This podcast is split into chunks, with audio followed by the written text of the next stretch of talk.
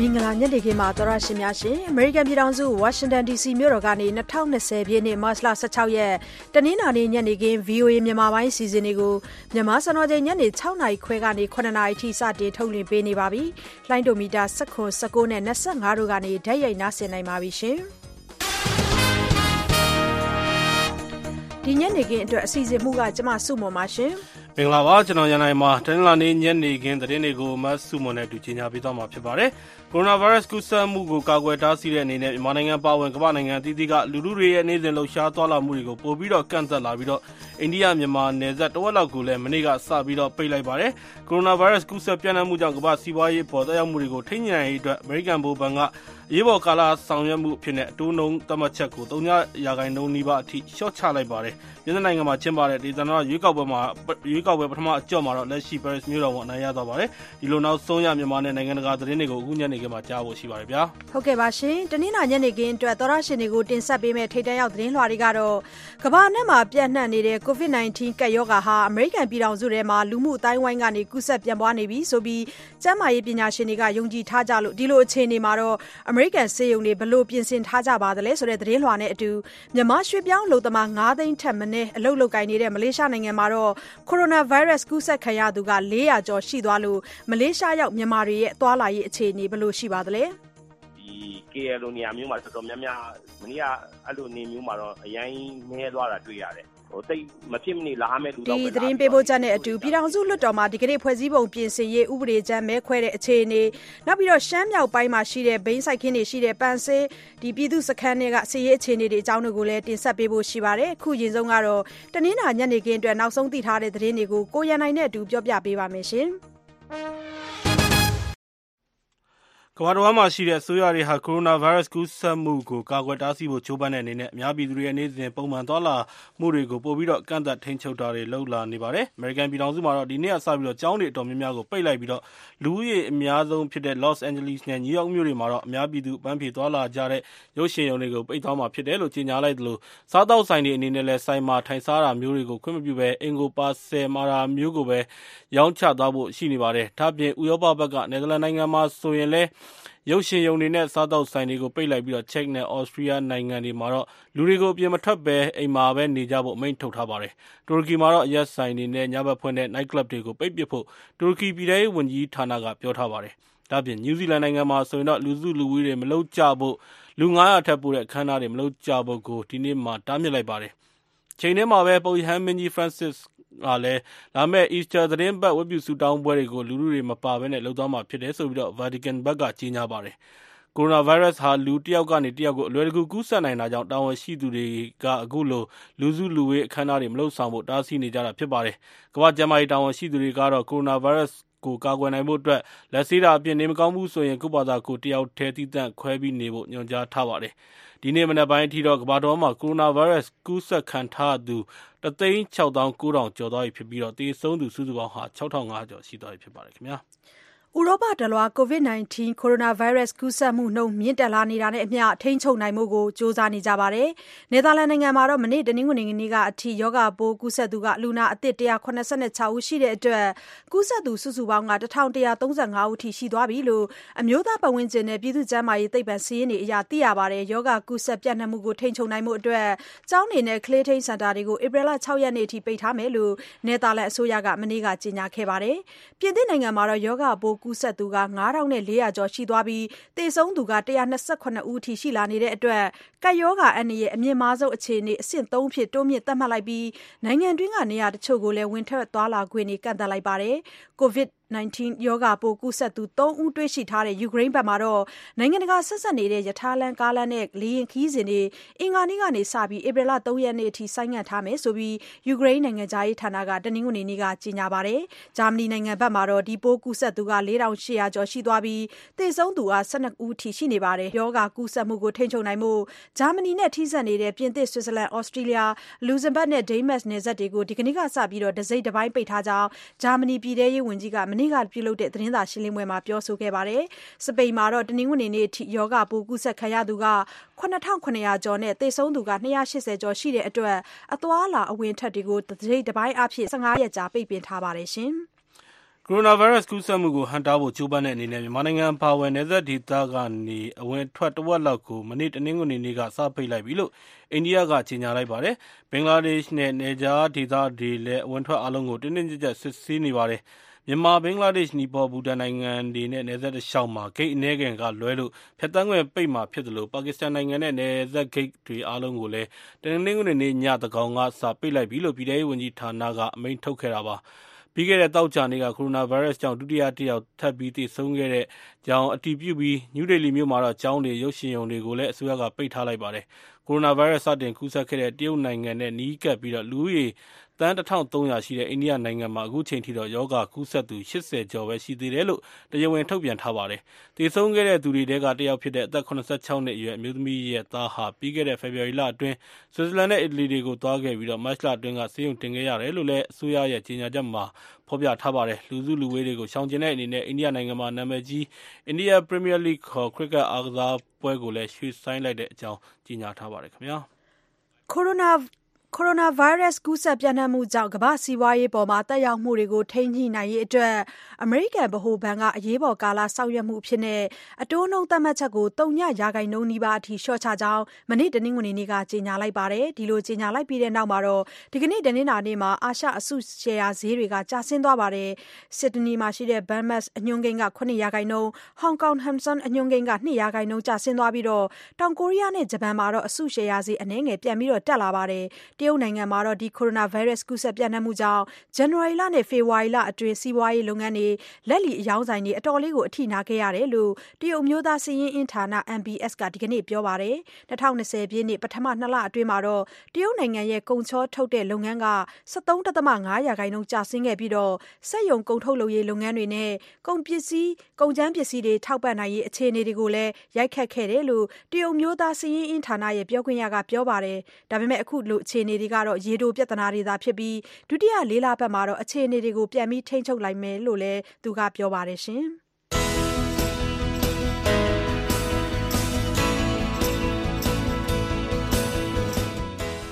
VOA အမေရိကန်အသံညနေဘက်မြန်မာဘာသာအစီအစဉ်တွေကိုညနေ6နာရီခွဲကနေညနေ9နာရီအထိလိုင်းဒိုမီတာ7 kHz 10683ညလိုင်းဒိုမီတာ19 kHz 15563ည လိုင်းဒိုမီတာ25 kHz 11965တို့ကနေပြီးထုတ်လွှင့်ပေးနေပါတယ်ခင်ဗျာ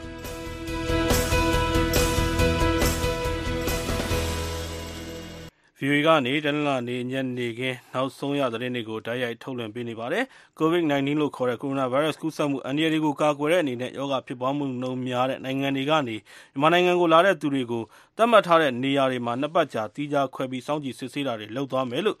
ဗဟိုရောဂါကူးစက်တိုက်ဖျက်ရေးဌာန ဒုတိယညွှန်ကြားရေးမှူး ဒေါက်တာခင်ခင်ကြီးက ပြောလိုက်ပါတယ်။ Quarantine ဆိုတာ facility base quarantine ဆိုတာလည်းရှိတယ်။ဆေးရုံမှာလည်း ဖြစ်နိုင်တယ်။ ဒါမှမဟုတ် home quarantine လည်း ဖြစ်နိုင်တယ်။အဲဒီမှာ ကျမတို့ quarantine လုပ်ဖို့အတွက် ဝေဘာဂီဆေးရုံမှာတော့ တချို့တွေကို quarantine လုပ်တယ်။ပြီးလို့ရှိရင် တောင်ဥက္ကလာ အမျိုးသမီးနဲ့ ကလေးဆေးရုံမှာလုပ်တယ်။ပြီးရင် လှည်းကူးကွင်းဆင်းသင်တန်းကျောင်းမှာ လုပ်ဖို့အတွက်လည်း ဒီနေ့ဆိုရင်တော်တော်ကြီး ပြင်ဆင်ပြီးပြီ။ပြီးရင် သိမ်ဖြူကွင်းမှာရှိတဲ့ ကျမတို့ ကျန်းမာရေးနဲ့ အားကစားဝန်ကြီးဌာနပိုင် အဆောက်အအုံတွေမှာလည်း လုပ်ဖို့ရှိတယ်ပေါ့နော်။ဒါဆို ဘယ်မှာလုပ်မလဲ ဘယ်သူတွေကို ဘယ်ပို့မလဲ ဒါကတော့ လူနာအနည်းများပေါ် မူတည်တာပေါ့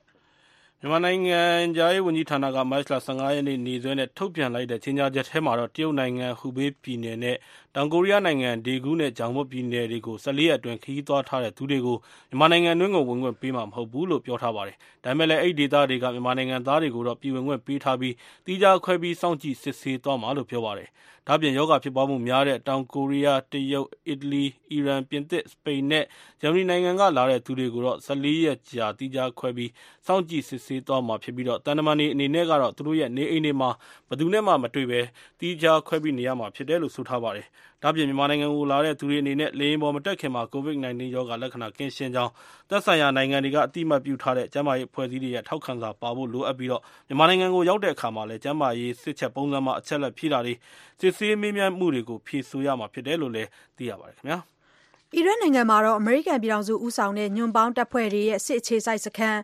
စနေနေ့တုန်းကဒုံးကျည်တွေနဲ့တိုက်ခိုက်ခံရလို့ညွန့်ပေါင်းတပ်ဖွဲ့ဝင်3ဦးနဲ့အီရတ်တပ်ဖွဲ့ဝင်2ဦးတို့ထိခိုက်ဒဏ်ရာရသွားတယ်လို့အမေရိကန်စစ်တပ်ပြောခွင့်ရကပြောဆိုလိုက်ပါတယ်။အဲဒီစစ်အခြေစိုက်စခန်းကိုဒုံးကျည်25လုံးထက်မနည်းပစ်ခတ်ခဲ့တယ်လို့ညွန့်ပေါင်းတပ်ဖွဲ့ရဲ့ပြောခွင့်ရကပြောပါတယ်။အီရတ်သတင်းတွေမှာတော့အဲဒီစစ်အခြေစိုက်စခန်းကိုဒုံးကျည်33လုံးနဲ့တိုက်ခိုက်ခဲ့တာဖြစ်ပြီး23လုံးကတော့မပေါက်ကွဲခဲ့ဘူးလို့ပြောပါတယ်။စနေနေ့ကတိုက်ခိုက်မှုကတော့အရင်ဖြစ်နေကြပုံစံအတိုင်းမဟုတ်ဘဲနေ့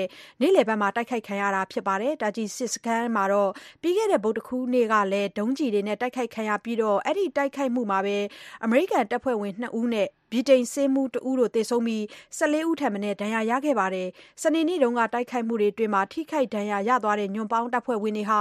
ဘယ်နိုင်ငံက တပ်ဖွဲ့ဝင်တွေ ဖြစ်တယ်ဆိုတာကိုတော့ ထုတ်ပြန်ကြေညာခြင်း မရှိသေးသလို ဘယ်သူကမှလည်း သူတို့ရဲ့လက်ချက်ဖြစ်တယ်ဆိုတာကို ထုတ်ဖော် ပြောဆိုခြင်း မရှိသေးပါဘူး။ ဒီမိုကရက်ပါတီတွင်း သမ္မတလောင်းအဖြစ် အဓိက ယှဉ်ပြိုင်နေကြတဲ့ ဒုသမ္မတဟောင်း Joe Biden နဲ့ Vermont ပြည်နယ် အထက်လွှတ်တော်အမတ် Bernie Sanders တို့ မနေ့က ဝါရှင်တန်မြို့တော်မှာ CNN ရုပ်သံမှာ အခြေအတင် စကားစစ်ထိုးပွဲ ကျင်းပပြီး ကိုရိုနာဗိုင်းရပ်စ် တိုက်ဖျက်ရေး အစီအစဉ်တွေနဲ့ ပတ်သက်လို့ အစီအစဉ်တွေကို ချပြခဲ့ကြသလို တဦးနဲ့တဦးလည်း အပြန်အလှန် ထိုးနှက်ဝေဖန်ခဲ့ကြပါတယ်။တယောက်နဲ့တယောက် ၆ ပေလောက် အကွာရပ်ပြီး စကားစစ်ထိုးကြတဲ့ ဆွေးနွေးပွဲမှာ ပရိသတ်တယောက်ကိုမှ ဖိတ်ကြားခဲ့ခြင်း မရှိခဲ့ပါဘူး။ အမေရိကန်ပြည်ထောင်စုမှာ လူ ၅၀ ထက်ပိုပြီး မစုဝေးဖို့ ကျန်းမာရေးဆိုင်ရာ အရာရှိတွေက သတိပေးထားတဲ့အချိန်လည်း ဖြစ်တာကြောင့် ပါတီတွင်း သမ္မတကိုယ်စားလှယ်လောင်းတွေရဲ့ စကားစစ်ထိုးပွဲကို ပရိသတ်တွေမပါဘဲ ကျင်းပခဲ့တာပါ။သတင်းထောက်တွေရဲ့ မေးခွန်းတွေကိုတော့ Joe Biden ရော Bernie Sanders ရော နှစ်ယောက်စလုံးက ဖြေကြားခဲ့ပါတယ်။အမေရိကန်ပြည်ထောင်စုမှာ ပြည်သူအားလုံးကို ကျန်းမာရေးစောင့်ရှောက်မှု ပေးနိုင်အောင် ပြုပြင်ပြောင်းလဲရတော့မယ်လို့ အထက်လွှတ်တော်အမတ် Bernie Sanders က ပြောပါတယ်။ဒုသမ္မတဟောင်း Joe Biden ကတော့ ပြည်နယ်တိုင်းမှာ အနည်းဆုံး အလွယ်တကူ ကားမောင်းပြီး ဗိုင်းရပ်စ်ပိုးကူးစက်မှုရှိမရှိ စစ်ဆေးနိုင်မယ့် နေရာ ၁၀ ခုစီရှိဖို့နဲ့ လျင်လျင်မြန်မြန် စမ်းသပ်နိုင်မယ့် နေရာတွေရှိဖို့ လိုတဲ့အကြောင်း ပြောဆိုသွားပါတယ်ခင်ဗျာ။ပြင်သစ်နိုင်ငံမှာ ကိုရိုနာဗိုင်းရပ်စ် ကူးစက်မှု ပျံ့နှံ့မှုတွေ ဖြစ်နေချိန်မှာပဲ ဒေသန္တရ ရွေးကောက်ပွဲတွေကို မနေ့ တနင်္ဂနွေနေ့က ကျင်းပခဲ့ပြီး ပြင်သစ်နိုင်ငံသားတွေလည်း မဲပေးကြမှာ ဖြစ်ပါတယ်။ဒါပေမဲ့လည်း virus ကူးစက်မှု အန္တရာယ်ကြောင့် မဲပေးတဲ့သူအရေအတွက် လျော့နည်းခဲ့ပြီး စုစုပေါင်း မဲပေးသူအရေအတွက်ကတော့ ၄၀ ရာခိုင်နှုန်းအောက်ပဲ ရှိတယ်လို့ Reuters သတင်းဌာနက ပြောပါတယ်။ပဲရစ်မြို့တော်ဝန်ရဲ့ နေရာအတွက် ရွေးကောက်ပွဲမှာလက်ရှိ ပဲရစ်မြို့တော်ဝန် Anne Hidalgo က မဲအရေအတွက် ၃၀ ရာခိုင်နှုန်း ရခဲ့ပြီး ပြင်သစ်သမ္မတ Macron ရွေးချယ်ခဲ့တဲ့ ကိုယ်စားလှယ် Inette Bizon ကို အနိုင်ရရှိသွားပါတယ်။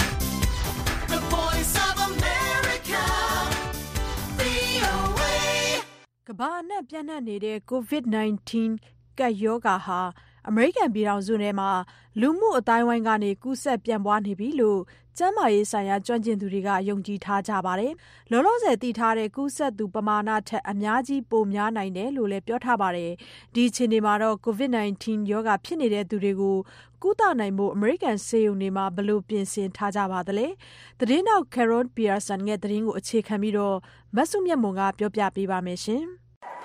တရုတ်နိုင်ငံမှာ COVID-19 ရောဂါ စတင်ကူးစက်ပျံ့နှံ့နေတဲ့က အမေရိကန်ပြည်ထောင်စု ဆေးရုံတွေက ရောဂါကူးစက်ပညာရှင်တွေ သတိပြုမိခဲ့ကြပြီး ကျန်းမာရေးစောင့်ရှောက်မှုပေးနေသူတွေ အဆင်သင့်ဖြစ်နေရေးအတွက် အာရုံစိုက်လုပ်ခဲ့ကြပါတယ်။ We're updating the skills and ကျန်းမာရေးဝန်ထမ်းတွေကိုယောဂနဲ့ပတ်သက်တဲ့ နောက်ဆုံးအခြေအနေတွေ ကုသနည်းတွေအကြောင်း အသိပေးနေပါတယ်။ ကိုကိုကိုယောဂမကူးအောင်လို့ကာကွယ်တဲ့ဝတ်စုံတွေကိုဘယ်လိုဝတ်ရမလဲချွတ်ရမလဲဆိုတာတွေကအစသိအောင်ပြောပြနေပါတယ်လို့ Cleveland ဆေးရုံကဆရာဝန် Dr. Robert Wiley ပြောပြခဲ့တာပါ။တချို့ဆေးရုံတွေမှာအင်မတန်ကူးစက်နိုင်တဲ့ရောဂါရှင်တွေကိုကုသတဲ့အထူးဆေးရုံစခန်းတွေရှိပါတယ်။ဒါပေမဲ့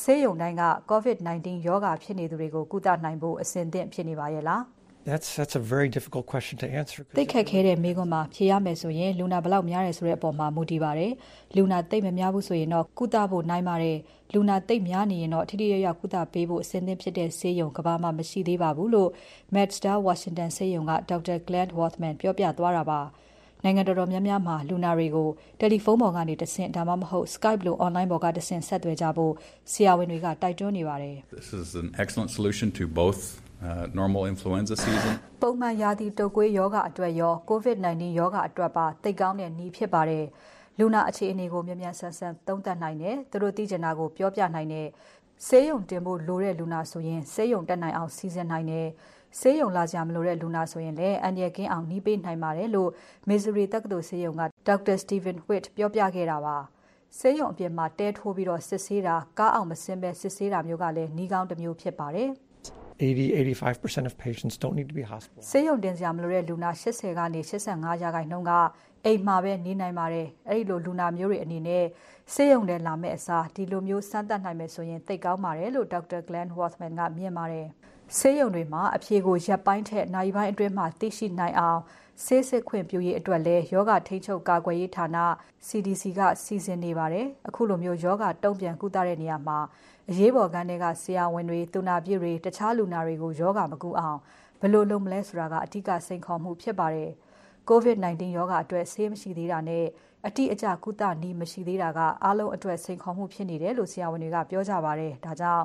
ပိုးမကူးအောင်လောလောဆယ်အကောင်းဆုံးလုပ်နိုင်တာကတော့ပိုးသတ်တာဖြစ်တယ်လို့အကြံပြုနေကြပါတယ်ရှင်။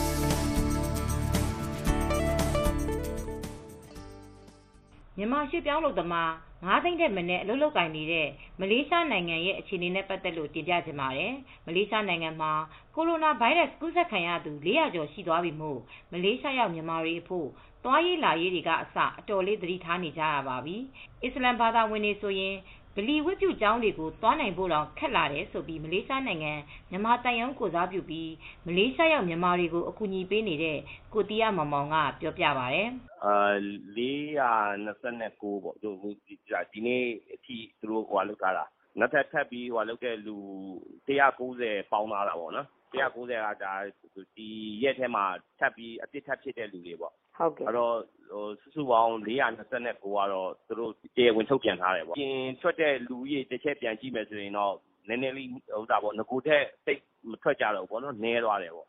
တိတ်မထွက်ကြတော့ဘူး။ဘာလို့သူတို့လည်းဒီယောဂနဲ့ပတ်သက်ပြီးတော့သူတို့ရဲ့ဒီအလုပ်ရုံစက်ရုံတွေမှာလည်းဒါမျိုးတွေနဲ့ပတ်သက်ပြီးတော့ပြောပြထားတဲ့ခါကျတော့လေငကိုလိုမျိုးအပြင်ထွက်တာမျိုးတော့တိတ်မတွေ့ရတော့ဘူးပေါ့။ဘာလို့မနေ့ကတတင်းကုန်နေနေမျိုးဆိုလို့ရှိရင်ဒီ KL လိုနေရာမျိုးမှာတော်တော်များများလာကြတယ်လေ။ဆိုတော့မနေ့ကအဲ့လိုနေမျိုးမှာတော့အရင်နည်းသွားတာတွေ့ရတယ်။ဟိုတိတ်မဖြစ်မနေလာမဲ့လူတော့ပဲလာပြီးတော့လေတချို့တွေကြားလို့ချင်းတိတ်လည်းအပြင်ထွက်တာမျိုးတိတ်မရှိတော့ဘူး ပြီးခဲ့တဲ့သောကြာနေ့ကသူတို့မလေးရှားကတော့ပုံမှန်သောကြာနေ့ဆိုသူတို့ဗလီတက်ကြတာပေါ့နော်။အဲဒီတက်တဲ့ဗလီပွဲမှာတောင်မှသူတို့နဂိုတက်တဲ့ပုံစံမျိုးထက်အရမ်းနည်းသွားတယ်။တချို့တွေဆိုရင်တက်တောင်မတက်တော့ဘူးပေါ့နော်။ဘာလို့လဲဆိုတော့အဓိကတော့ကျန်းမာရေးအရသူတို့ကူးစက်ရောဂါဖြစ်နိုင်မယ့်အနေအထားမျိုးရှိလို့သူတို့ကအဲလိုမျိုးပေါ့ဒီလိုမျိုးသောကြာနေ့မျိုးတောင်မှဗလီတက်တာတွေနည်းသွားတယ် အာဆီယံနိုင်ငံတွေထဲမှာ မလေးရှားနိုင်ငံဟာ ကိုရိုနာဗိုင်းရပ်စ် ကူးစက်မှု အများဆုံးဖြစ်နေတဲ့ နိုင်ငံဖြစ်နေတာကြောင့် မလေးရှားနိုင်ငံက စက်ရုံအလုပ်ရုံတွေ လူစုလူဝေးနဲ့ အလုပ်လုပ်နေတဲ့ နေရာတွေမှာ နှာခေါင်းစည်းတွေ မဖြစ်မနေတပ်ဖို့ အာဏာပိုင်တွေက ညွှန်ကြားထားသလို ကိုရိုနာဗိုင်းရပ်စ် ကာကွယ်ရေး ကူးစက်မပြန့်ပွားရေး ပညာပေးလုပ်ငန်းတွေကို စက်ရုံတွေမှာ အများအပြား လုပ်လာတယ်လို့လည်း ကိုတီရမောင်မောင်က ပြောပါတယ်။နောက်ပြီးလုပ်ငန်းခွင်တွေမှာ ဒီဟာနဲ့ ပတ်သက်ပြီးတော့ဒီပညာပေးပေါ့နော်ဟို ဒါတွေကို ဆွေးနွေးပွဲလေးတွေ လုပ်ပေးတာမျိုးတို့ နောက်ပြီးဒီလက်ဆေးဖို့အတွက်ကို သူတို့ဟိုပါပေါ့ဒီစက်ပြာတို့ဟာမျိုး နောက်ပြီးဒီဟိုပါပေါ့ဒီဒီတက်တော်လိုဟာမျိုးပေါ့နော် အဲ့လိုမျိုးဟာမျိုးတွေနဲ့ သူတို့ ကျမ်းမာရေးအတွက်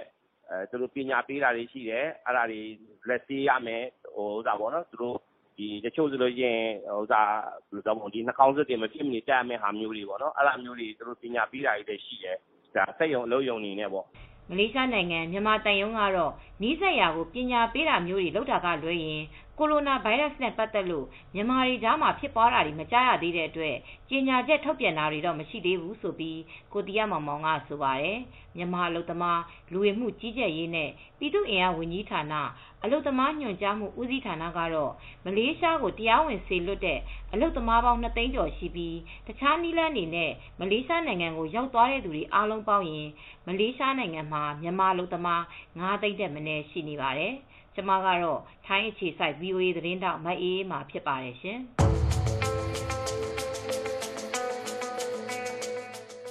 ဒီကနေ့ ပြည်တော်စုလွှတ်တော်က ဖွဲ့စည်းပုံပြင်ဆင်ရေး ဥပဒေကြမ်းမဲခွဲတဲ့ အခြေအနေကို တင်ဆက်သွားမှာပါ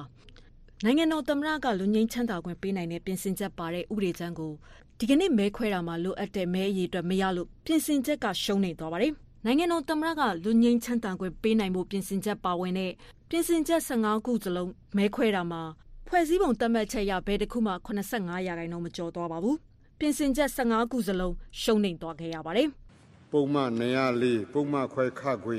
ပြင်ဆင်မှုအတွက်ထောက်ခံဆန္ဒမဲ့403မဲဖြစ်ပါတယ်။ထောက်ခံဆန္ဒမဲ့85ရာခိုင်နှုန်းမကျော်တဲ့အတွက်မူလအတိုင်းဖြစ်ကြောင်းကြေညာပါတယ် ပြည်ထောင်စုလွှတ်တော်နာယကဦးတီခွန်မြတ်ကပြင်ဆင်ချက်တစ်ခုချင်းစီနဲ့ပတ်သက်လို့အခုလိုကြေညာသွားတာပါဒီကနေ့လွှတ်တော်ကိုယ်စားလှယ်85ရာခိုင်နှုန်းသဘောတူရင်ပြင်ဆင်လို့ရမယ်ပုံမှန်436ခနဲ့အကျုံးဝင်တဲ့ပုံမှန်တွေကိုမဲခွဲရမှာပြည်ထောင်စုလွှတ်တော်ကိုယ်စားလှယ်တွေရဲ့85ရာခိုင်နှုန်းကျော်ကသဘောမတူတာကြောင့်မူလအတိုင်းပဲထားရှိဖို့ဆုံးဖြတ်ခဲ့ရပါတယ်။လက်ရှိတည်ဆဲဥပဒေမှာတော့သမ္မတကလူငင်းချမ်းသာခွင့်ပေးနိုင်ပေမဲ့အမျိုးသားကာကွယ်ရေးနဲ့လုံခြုံရေးကောင်စီကာလုံရဲ့ထောက်ခံချက်ရမှ ပေးခွင့်ရှိတယ်လို့ပြဋ္ဌာန်းထားတာမို့ NLD ဘက်ကသမ္မတကလူငင်းချမ်းသာခွင့်ပေးပိုင်ခွင့်ရှိတယ်ဆိုတဲ့ပြင်ဆင်ချက်ကိုပြင်ဆင်ခဲ့တာဖြစ်ပါတယ်။ဒီအပေါ်ရှုံးနေသွားတာပါ။ဖွဲ့စည်းပုံပြင်ဆင်ချက်တွေမဲခွဲတာ9ရက်မြောက်ရှိပေမဲ့အဓိကကျတဲ့ပုံမှန်တွေဘာတစ်ခုမှမပြင်နိုင်သေးပါဘူး။စကလုံးလေးတွေပဲပြင်တဲ့ပြင်ဆင်ချက်နှစ်ခုပဲပြင်နိုင်ဖို့သဘောတူထားပါတယ်။ပြင်ဆင်ရေးလှုပ်ဆောင်တာမှာထ င်သလောက်ဆောင်ရွက်နိုင်တာမရှိတဲ့အပေါ်ပြင်ဆင်ရေးလှုပ်ဆောင်မှုကအပြည့်တက်ပြီလားဆိုတဲ့မေးခွန်းတွေထွက်ပေါ်နေပါတယ်။ဒီအပေါ်မှာတော့ NLD ပါတီကလွှတ်တော်ကိုယ်စားလှယ်ဦးအောင်နိုင်ဦးကအခုလိုဖြေကြားသွားခဲ့ပါတယ်။ကျွန်တော်တို့ဒီဖွဲ့စည်းပုံပြင်ဆင်ရေးဆိုတာကတော့ဒီဥပဒေ2008ဖွဲ့စည်းပုံဥပဒေပေါင်းတွေကလောက်တာပေါ့နော်အဲ့ဒါဖွဲ့စည်းရေးကတော့ဖွဲ့စည်းပုံပြင်ဆင်ရေးအဲလုပ်မလားနောက်တစ်ခါဖွဲ့စည်းပုံအသစ်တစ်ခုပေါ်ပေါက်ရေးကိုစူးစမ်းမလားဆိုတာကတော့ တနိုင်ငံလုံးအတိုင်းအတာနဲ့ခေါင်းဆောင်တွေရောတွတ်တော်ကိုယ်စားလှယ်တွေရောဟလာပြည်သူလူထုနေရောအကုန်လုံးတိုင်ပင်ဆွေးနွေးပြီးမှအဲအဖြေထုတ်တင်တဲ့ကိစ္စတစ်ခုလို့ထင်ပါတယ်အဲ့ဒါလမ်းကြောင်းကတော့မဆုံးပါဘူးဖွဲ့စည်းပုံပြင်ဆင်ရေးဒီလွတ်တော်တွင်ကစူးစမ်းတဲ့ဟာဘောင်ကတော့အကန့်အသတ်အတားဖြစ်သွားတယ်ပေါ့နော်အခုဒီမဲရလက်ကြောင်ကျွန်တော်တို့လည်းအများကြီးဟိုမျှော်လင့်ထားခဲ့ပါတယ်တပ်မတော်ဘက်ကပူးပေါင်းဆောင်ရွက်လိမ့်မယ်လို့မျှော်လင့်ထားခဲ့ပေမဲ့အခုလိုမဲရလက်ထွက်လာတဲ့ခါကျတော့ဟို တော်တော်လေး စိတ်ပြတ်မိတယ်ပေါ့နော်အဲ့တော့အဲ့တော့ နောက်လာမှာပါ ဒီဖွဲ့စည်းပုံပြင်ဆင်ရေး2008ဖွဲ့စည်းပုံပြင်ဆင်ရေးနဲ့ ပတ်သက်ပြီးတော့ နောက်ထပ်ဒီလမ်းကြောင်းတစ်ခုတော့ဟိုပါတီဘက်ကစူးစမ်းလိုက်မယ်လို့ ယူဆပါတယ် ဖွဲ့စည်းပုံအခြေခံဥပဒေပုံမှ436ခနဲ့ အကျုံးဝင်တဲ့ ပုံမှန်ပေါင်းဟာ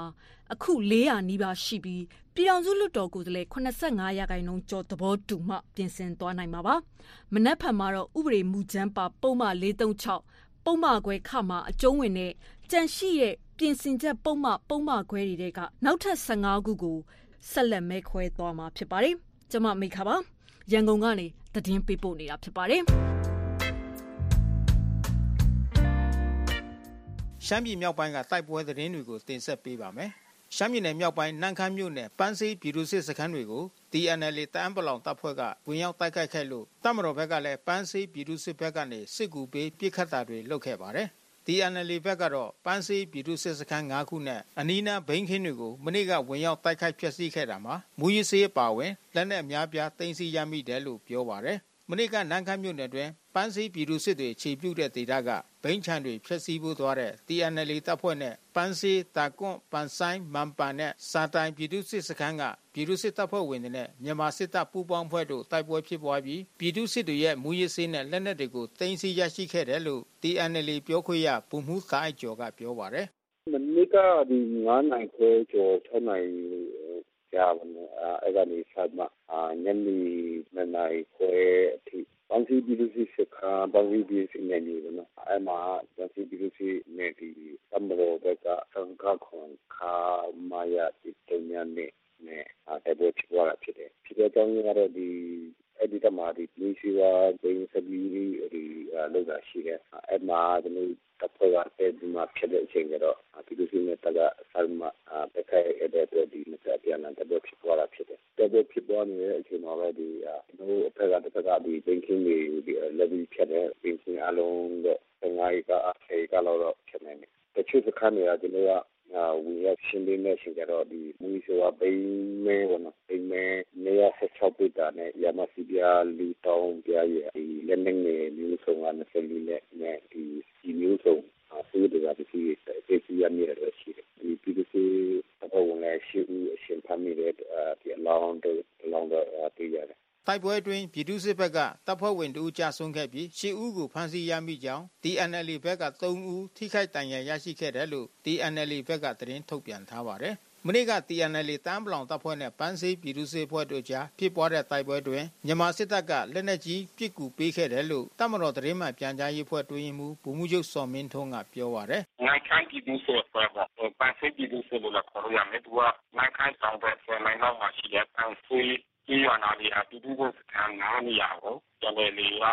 နောက်ဆက်ပစ်ခတ်တိုက်ခိုက်တာ ရှိပါတယ်။အဲဒီမှာတော့9နာရီခွဲကနေ7နာရီခွဲလောက်ထိ ကျနော်တို့ ထိတွေ့မှု ဖြစ်ပွားခဲ့တယ်။ ဆေးပြည်သူ့စစ်တချို့လည်းကျနော်တို့ကျဆုံးထိခိုက်ဒဏ်ရာရရှိမှုရှိပါတယ်။တပ်မတော်အနေနဲ့ကလည်းအဝေးကနေပစ်ကူပေးပြီးတိုက်ခိုက်ခဲ့ရတယ်။ပစ်ကူပေးတဲ့အတွက်ကြောင့်မို့7နာရီခွဲလောက်မှာတိုက်ပွဲပြီးဆုံးသွားပါတယ်။မနေ့ကပန်းဆေးဒေသကနေစတင်ဖြစ်ပွားခဲ့တဲ့ TNLA နဲ့တပ်မတော်ပန်းဆေးပြည်သူ့စစ်တို့ကြားကတိုက်ပွဲဟာနန်းဖက်ကန်နဲ့နန်းခမ်းကြားကားလမ်းပေါ်ထိပြင်းထန်ဖြစ်ပွားခဲ့ပါတယ် မြောက်ပိုင်းမဟာမိတ်အဖွဲ့ဝင်ဖြစ်တဲ့တမ်းပလောင်တပ်ဖွဲ့နဲ့မြန်မာစစ်တပ်တို့ကြားမတ်လ10ရက်နေ့မှာလဲရှမ်းပြည်နယ်မြောက်ပိုင်းမိုးမိတ်မြို့နယ်ရွှေညောင်ပင်ကျေးရွာမှာတိုက်ပွဲဖြစ်ပွားလို့ရွာသား200ကျော်နေရကနေစွန့်ခွာထွက်ပြေးနေရပါတယ်။ရှမ်းပြည်နယ်မြောက်ပိုင်းဒေသမှာတမ်းပလောင်တပ်ဖွဲ့အနေနဲ့မူရစ်စေဝါနေနေရေးကိုလှုပ်ဆောင်နေတယ်လို့ဘိန်းဆိုင်နေတဲ့ပြည်သူစစ်ဖွဲ့ဝင်တချို့နဲ့အစဉ်လူလူပြစ်ခတ်တိုက်ခိုက်မှုတွေဖြစ်နေတယ်လို့ဆိုပါတယ် မြန်မာစစ်တပ်ဘက်ကလည်းဒီတော့တွင်မူရစေဝါဖမ်းဆီးမှုတွေတိုးလို့လှုပ်ဆောင်နေတာကြောင့်မူရစေဝါဖမ်းဆီးရရှိမှုတွေတော်တော်များများရှိနေတယ်လို့ထုတ်ပြန်ထားပါတယ်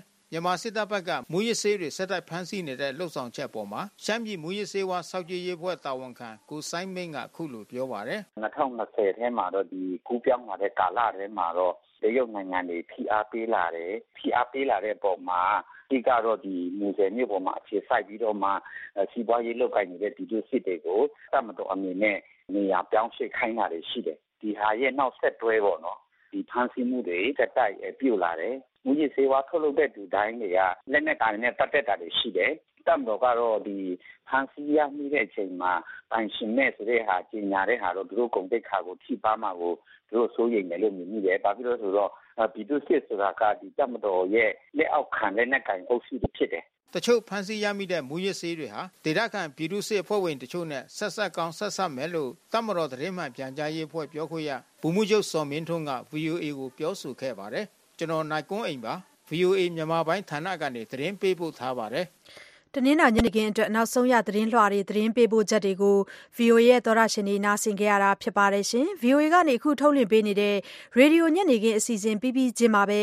VOA မြန်မာပိုင်းရဲ့ TV အစီအစဉ်ကိုည9:00နာရီကနေ9:00နာရီခွဲအထိ စောင့်မျှော် ရှုစားနိုင်ကြပါတယ်ရှင်။နောက်2နာရီကြာည9:00နာရီကနေ10:00နာရီအထိ ထုတ်လွှင့်ပေးမယ့် ရေဒီယိုမြန်မာပိုင်းရဲ့ အစီအစဉ်တွေကိုတော့ လှိုင်းဒိုမီတာ19 25 30နဲ့ လှိုင်းလက်မီတာ190တို့ကနေ စောင့်မျှော် နားဆင်နိုင်ပါတယ် အစီအစဉ်တွေအဆုံးမသတ်ခင်မှာတော့နောက်ဆုံးရသတင်းချင်းချုပ်ကိုကိုရန်နိုင်တလှည့်ပြောပြပေးပါရှင်။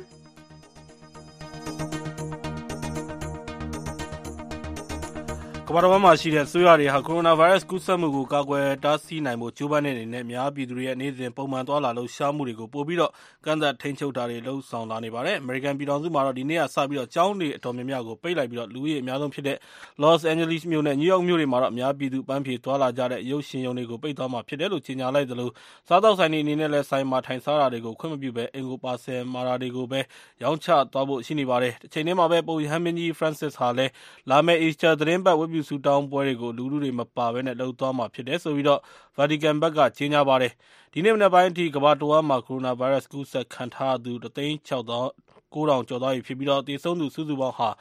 ၆ထောင့်၅ရာကျော်ရှိသွားပြီဖြစ်ပါတယ်။ COVID-19 လို့ခေါ်တဲ့ကိုရိုနာဗိုင်းရပ်စ်ကူးစက်မှုအန္တရာယ်တွေကိုကာကွယ်တဲ့အနေနဲ့ရောဂါဖြစ်ပွားမှုနှုန်းများတဲ့နိုင်ငံ၇နိုင်ငံကနေမြန်မာနိုင်ငံကိုလာတဲ့သူတွေကိုသတ်မှတ်ထားတဲ့နေရာတွေမှာနှစ်ပတ်ကြာသီးခြားခွဲပြီးစောင့်ကြည့်စစ်ဆေးသွားမှာ ဖြစ်တယ်လို့ဗဟိုရောဂါကူးစက်တိုက်ဖျက်ရေးဌာနဒုတိယညွှန်ကြားရေးမှူးဒေါက်တာခင်ခင်ကြီးကပြောလိုက်ပါတယ်။မြန်မာနိုင်ငံခြားရေးဝန်ကြီးဌာနကမတ်လ၁၅ရက်နေ့ကထုတ်ပြန်လိုက်တဲ့ကြေညာချက်ထဲမှာတော့တရုတ်နိုင်ငံဟူဘေးပြည်နယ်နဲ့တောင်ကိုရီးယားနိုင်ငံဒေဂူးနဲ့ဂျောက်ဂွတ်ပြည်နယ်တွေက၁၄ရက်အတွင်းသွားထားတဲ့သူတွေကိုမြန်မာနိုင်ငံအတွင်းကိုဝင်ခွင့်ပေးမှာမဟုတ်ဘူးလို့ပြောဆိုထားပါတယ်ခင်ဗျာ။ တနင်္လာညနေခင်းအတွက် နောက်ဆုံးရ သတင်းချင်းချုပ်ကို ကိုရန်နိုင်က ပြောပြပေးခဲ့တာဖြစ်ပါတယ်ရှင်။ဒီညနေခင်းအတွက် အစီအစဉ် ထုတ်လွှင့်မှုနဲ့ အယ်ဒီတာကတော့ကိုကျော်ကျော်သိန်းဖြစ်ပါတယ်။စက်ပိုင်းဆိုင်ရာအတံဖတ် အင်ဂျင်နီယာကတော့ Carl Stirlings ဖြစ်ပါတယ်ရှင်။ကျွန်မကစုမမဒီညနေခင်း အစီအစဉ်တွေကို အစီအစဉ်မှုဖြစ် တာဝန်ယူတင်ဆက်ပေးခဲ့တာဖြစ်ပါတယ်။အခု ညနေခင်းအစီအစဉ် ဒီမှာပဲ အဆုံးသတ်ပါမယ်ရှင်။နောက်နှစ်နာရီကြာည9နာရီကနေ10နာရီထိ ထုတ်လွှင့်ပေးမယ့် ညပိုင်းအစီအစဉ်မှာ ပြန်ပြီးတော့ဆုံကြရအောင်ပါ။ VOA ကို နားတော်တာဆင်ခဲ့တဲ့အတွက် ကျေးဇူးအထူးပဲတင်ရှိပါတယ်။ VOA ရဲ့တော်ရရှင်တွေအားလုံးရှင်လန်းချမ်းမြေ့ကြပါစေရှင်။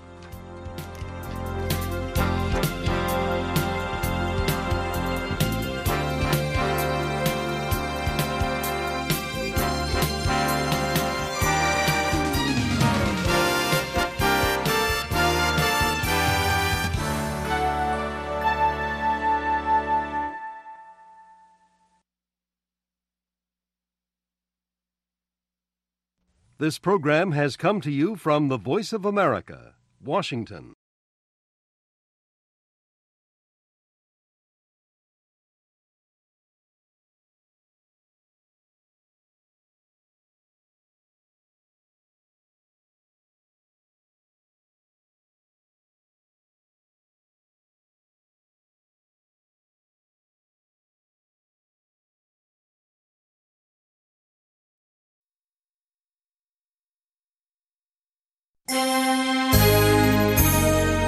From Washington, this is VOA